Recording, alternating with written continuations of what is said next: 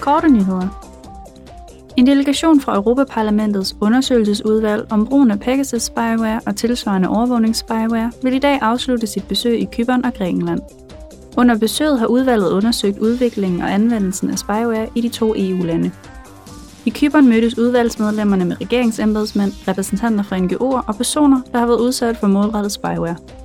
I Grækenland talte udvalgsmedlemmerne med repræsentanter fra NGO'er, menneskerettighedsforkæmper, journalister og regeringsembedsmænd.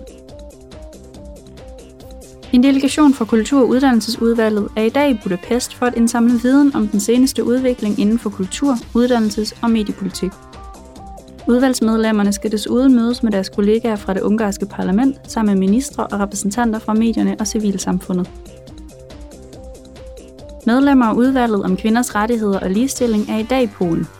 Målet for deres besøg er at indsamle information og drøfte kvinders rettigheder samt seksuel og reproduktiv sundhed og rettigheder. Udvalgsmedlemmerne skal mødes med medlemmer af det polske parlaments underhus. De skal også mødes med repræsentanter fra forskellige NGO'er, herunder FEDERA, som er en forening for kvinder og familieplanlægning.